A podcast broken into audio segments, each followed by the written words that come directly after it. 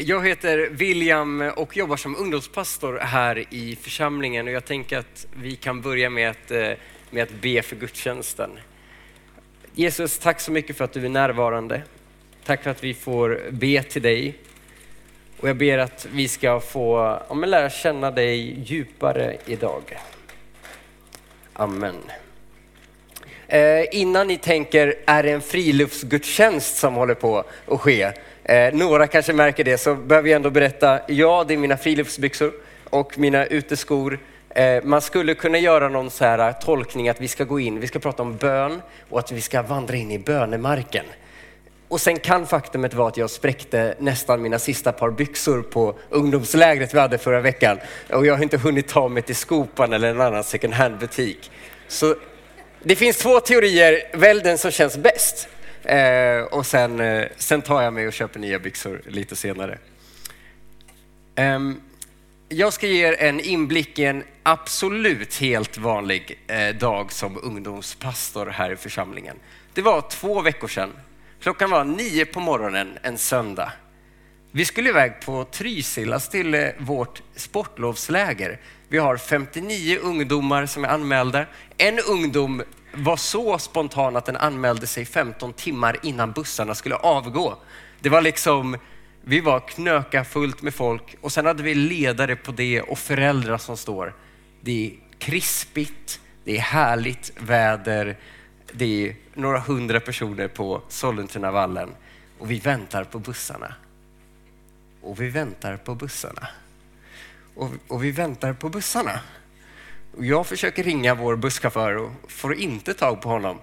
Eh, Dia, Andreas Gustafsson som sjöng, han började också försöka ringa och, eh, och samtidigt kollade jag upp den här orderbekräftelsen som vi har fått för jag tänkte vi kanske har sagt fel tid. Jag kanske har råkat säga klockan 10 istället för klockan 9. Eh, nej men tiden var jätterätt och, och siffran på datumet var nästan också jätterätt. Det var ju den 26 i andra en söndag och bussarna var bokade till den 26 i tredje.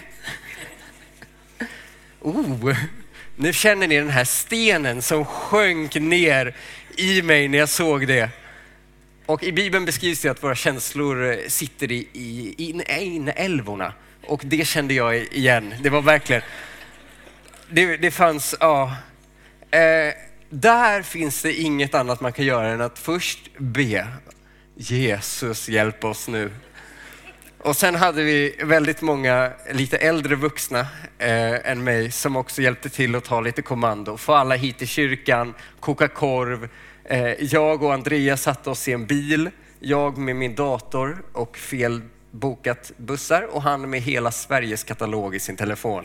Och han började ringa bussbolag efter bussbolag. Till slut får vi, vi får tag på det här bussbolaget som skulle ha kört oss. Och på något slags under så säger han, jag ringer tillbaka snart. Och sådär 20 över 9 får vi meddelandet, vi är hos er om en, en och en halv timme. Vi har två bussar. Vi löser det här. Eh, det tog mig inte förrän vi hade fått alla liftkort och gått in i, i stugorna innan jag blev lugn. För vi hade ju kunnat boka fel allt annat också. Men, men vi, vi hamnade, det, var, det blev lugn och ro. Nu förstår jag att jag har fått många fler, vi ska snacka om bön idag. Jag har fått några fler förebedjare, tack för er. Och lite andra som kommer vilja ta upp en anställning på administrationsmötet vi har sen. Det är väl, varmt välkommet att göra det också. Um, vi är inne i ett tema som heter vägar till glädje. Ehm, och förra veckan pratade Britt om, om bibelmeditation och att, och att vara stilla inför Gud. Och jag tycker Vägar till glädje är en så bra titel. Det kommer ju från den här boken som skrevs för bra många år sedan. För att det är inte ett lyckopiller som det handlar om, något som löser det direkt nu. Det är inte någon slags injektion av lycka in i situationen som är här och nu utan på något sätt att få komma i närvaro inför Gud. Och där få hitta någonting som jag tror kan sätta sin grund i ens liv. Det finns en forskare eller en läkare som heter Anders Hansen. Jag vet inte om ni har läst hans bok Järnstark, kanske lyssnat på något av hans eh, sommarprat. Men han pratar mycket om träning och psykisk hälsa. Och i det så presenterar han en studie där personer har fått springa 40 minuter tre gånger i veckan och målet är att få maxpuls på ungefär 80 procent. Och det ger samma effekt som antidepressiva. Och eh, jag tänker att vägar till glädje, lite det här där vi kommer presentera de här dagarna, eh, är som att vi tänker att det är en sån praktik som kan hjälpa. Men vad han nämnde i den här studien som är väldigt specifikt är att det är inget som kickar igång direkt. Utan att få den här antidepressiva effekten så behöver man vara igång ungefär tre veckor innan du ser något hända. Så han sa börja och håll tag för då märker du att det är något som börjar växa inom dig. Och lite så tänker jag också när vi ska prata bön, vi pratar bibelmeditation. Förra veckan sa Britt, ta fem minuter att sitta bara i tystnad inför Gud. Inte ens bön. Det kanske inte gör något vecka ett, två, men kanske händer något vecka tre. I det här vill jag bara nämna att vi inte är emot antidepressiva utan han sa det själv att det är en eh, men vi kan använda det som ett substitut i, i hur vi liksom hjälper människor med sin psykiska hälsa. När jag studerade till pastor så hade jag en eh, kompis som hette Benjamin. Eh, han pluggade med mig. Förutom att han var en extrem sån här människomänniska. Alltså, han drog in folk i alla konversationer. Han var öppen, han var ledig, han var lätt. Så var han också clown. Alltså professionell clown. Så pass professionell clown att han inte fick CSN för att han tjänar för mycket för att kunna få statliga bidrag för sina studier på när han jobbar som clown. Han är duktig på att jonglera, han berättar om Jesus samtidigt och han liksom får ihop så hans somrar var att han åkte, han var på, under 40 dagar var han på 50 platser och jobbade. Alltså snubben var, gjorde turnéer. Han kunde jonglera först med två bollar, som han visade lite under rasten, sen med tre stycken, sen med fyra, sen med fem och till slut så jobbar han på sin sjätte boll att få in i liksom den här jongleringsgrejen jag inte förstår ske. Om man vill lära sig jonglera så går man till honom. Både att han är pedagogisk, han förklarar så man kan förstå, men också att man faktiskt ser den där snubben vet vad han gör. I Bibeln kan vi lära oss och läsa om hur Jesu lärjungar går fram till Jesus en dag och säger Mästare, lär oss att be. Och det tror jag inte är någon slump. För jag tror att de har sett, precis som hur jag ser Benjamin jonglera, så har de sett hur Jesus går iväg i ensamhet och ber. Hur han ber inför folk, när han välsignar mat, tackar Gud, när han ber för sjuka. Jag tror att de har sett bara det här är en människa som verkligen kan praktisera bön. Och så säger de, Mästare, lär oss att be. Jesus ger det här svaret, något som vi kallar Herrens bön. Den går så här. Vår Fader, du som är i himmelen. Låt ditt rike komma. Låt din vilja ske på jorden så som i himlen. Ge oss idag det bröd vi behöver och förlåt oss våra skulder, liksom vi har förlåtit dem som står i skuld till oss. Och utsätt oss inte för prövning, utan rädda oss från det onda. Ditt är riket, din är makten och äran i evighet. Amen. Det finns några grejer som jag tänker att vi ska försöka liksom bena ut ur eh, just den här bönen som Jesus lär oss. Det finns saker om att Jesus lär oss att gå in i ensamhet när vi ber. Han säger gå till din kammare, alltså ditt sovrum, ditt vardagsrum. Var själv inför Gud. Men det ska vi inte fokusera på nu. För i den här bönen kan vi också se att det finns en gemenskap i bön som är viktigt. Det står vår Fader. Och så säger ge oss idag det bröd vi behöver.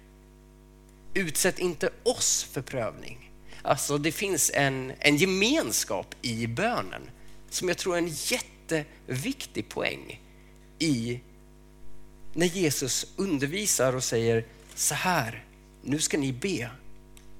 Ni vill lära er att be. Ja, men ni har sett, man gör det själv också. Men vi gör det också när vi kommer tillsammans. Den här veckan har vi haft bönevecka inför eh, ombyggnationen av kyrkan. Och klockan 18 varje kväll har vi sett så be, be och ikväll är sista gången som vi kör. Eh, och i fredags höll jag bönen och när vi var klara, då kom en församlingsmedlem fram till mig och sa William, jag vill bara berätta att vi ber för dig för att du ska predika på söndag. Känn att du har oss i ryggen. Och det där tycker jag samlar ihop liksom församling på ett så vackert sätt.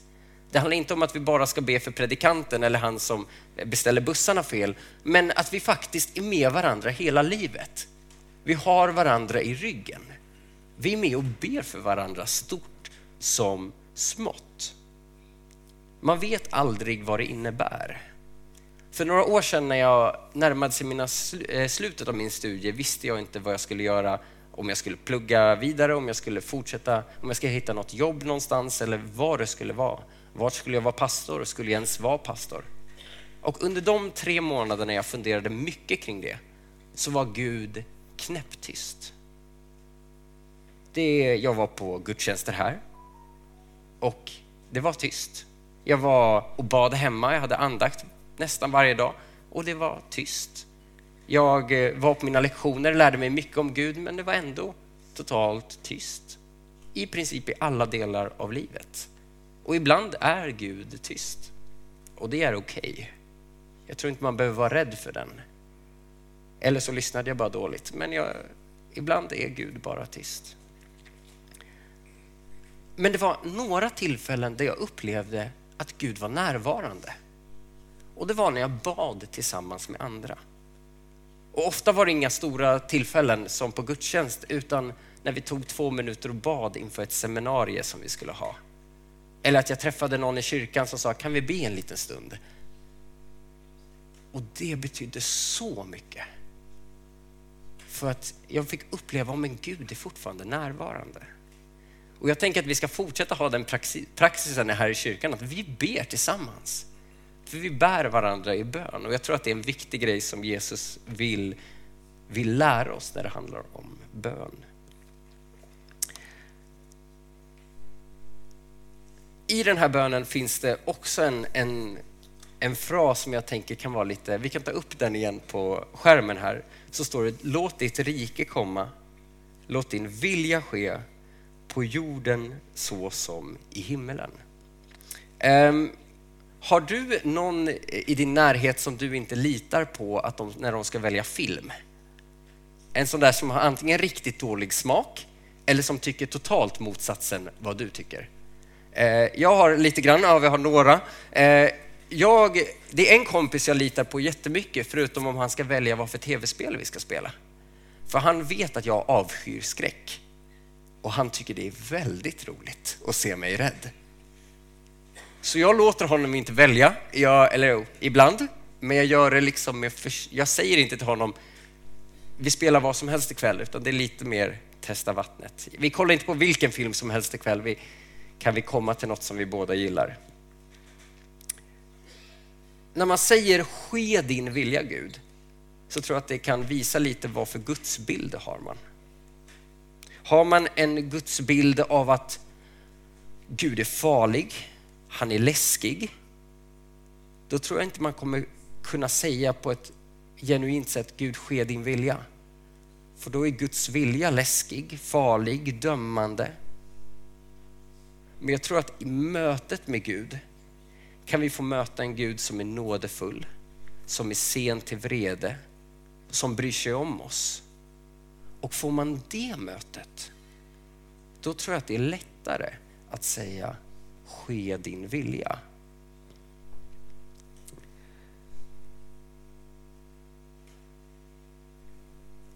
När Jesus möter äktenskapsbryterskan så vill ju alla trycka ner henne och döma henne. Men Jesus säger, inte heller jag kommer döma dig. Men gå och synda inte mer. Alltså, det du gjorde var inte okej, okay, men jag kommer inte trycka ner dig.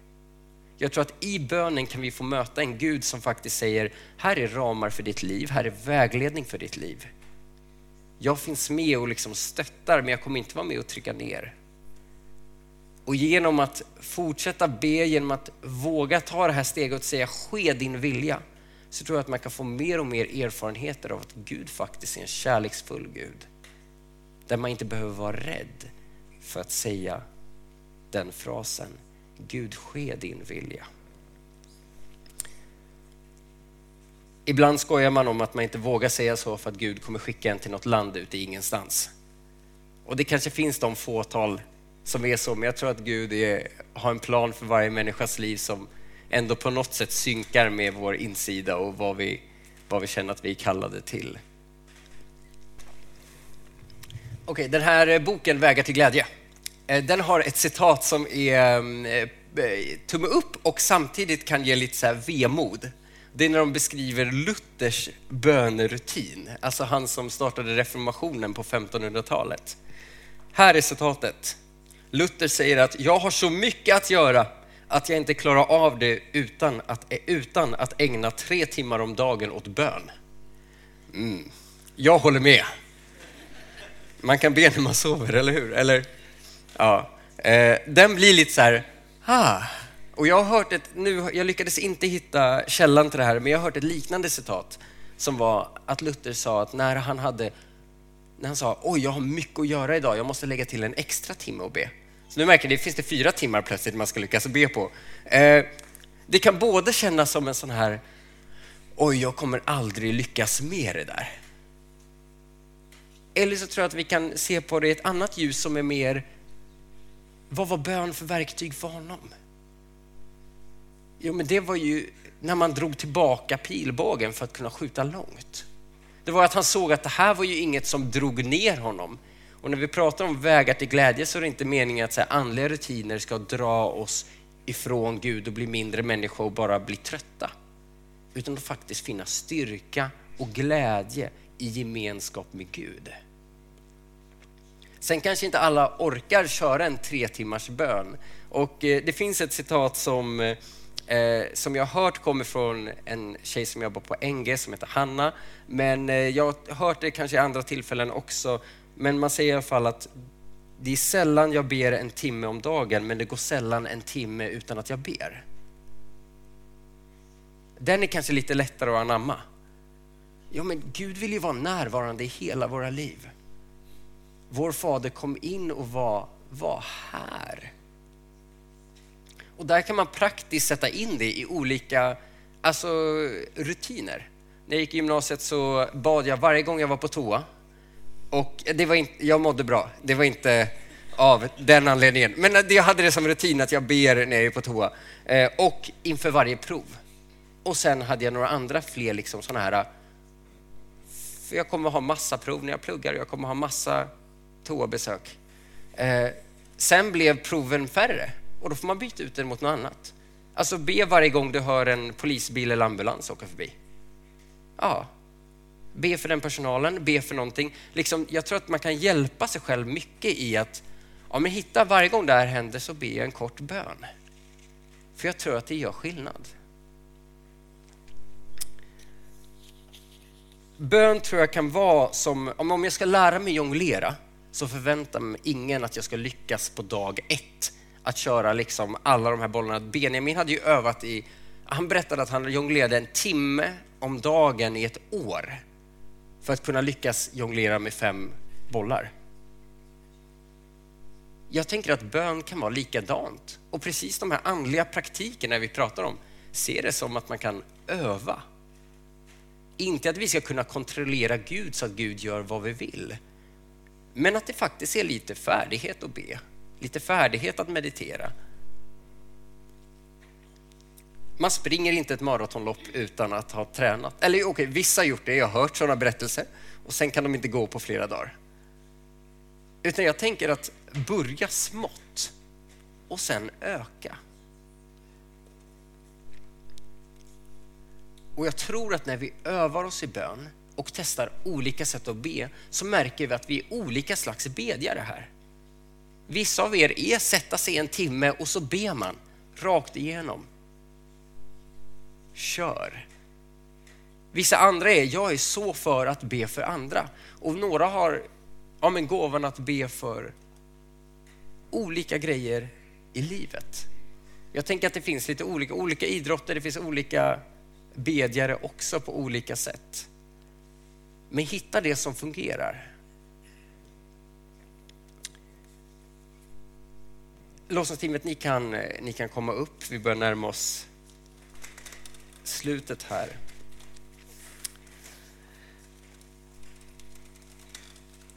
Jag tror bön kan vara ett verktyg som verkligen bygger upp. Som när man använder det som att dra tillbaka pilen i en pilbåge. Bönen är det här draget för att saker tror jag ska kunna ske. Jag tror att vi är kallade att be tillsammans. Både i gudstjänst i det stora sammanhanget, men också det lilla. Ska ni ha ett möte någon gång i kyrkan, börja med att be, avsluta med att be. Det tror jag att det är verkligen en grund, en god grund i ens arbete. Men sen också att våga säga ske din vilja. Och upptäcker du att du har svårt att säga den grejen, det är okej. Okay. Och då kan man börja fundera på varför är det svårt att be Gud att hans vilja ska ske? Vad för bild av Gud har jag? Är Gud den som bara straffar? Är Gud den som bara kallar mig dit jag inte vill? Och så får man börja upptäcka och utmana sig vem man ser Gud är. Och sen praktiskt, sätt in rutiner. Vissa ber tre timmar om dagen. Vissa ber 20 minuter. Vissa är morgonbedjare, vissa är kvällsbedjare. Vissa ber på sin lunch på jobbet, tar en bönepromenad. Jag tror att det gör stor skillnad att be. Vi kommer gå in i en, en stund av, eh, av lovsång och bön tillsammans. Eh, det finns möjlighet att tända ljus där. Det finns förebedjare som gärna lägger sin hand på dig och ber för dig och är tillsammans och tackar för dig. Och eh, sen tänker jag att det här får vara ett rum i, i rörelse. Känner du att du vill röra dig, gå och be? Känner du att du vill ja, men, uttryck dig på det sättet som du är bekväm med? Jag tänker att vi alla kan ställa oss upp för att underlätta för ett rörelse i rummet. Och så kan vi avsluta den här eh, predikan med en bön. Tack Fader för att du är en god Gud. Tack för att du är en Gud som är närvarande. Att du är stor i nåd och sen till vrede. Jesus, jag ber att din vilja ska ske här och nu. Jag ber att din helige Ande ska få komma med kraft, med uppmuntran, med uppbyggelse. Och är det några ramar vi behöver i våra liv, någon vägledning, ja men var tydlig med det också. Tack Jesus för att det går att lita på dig. Amen.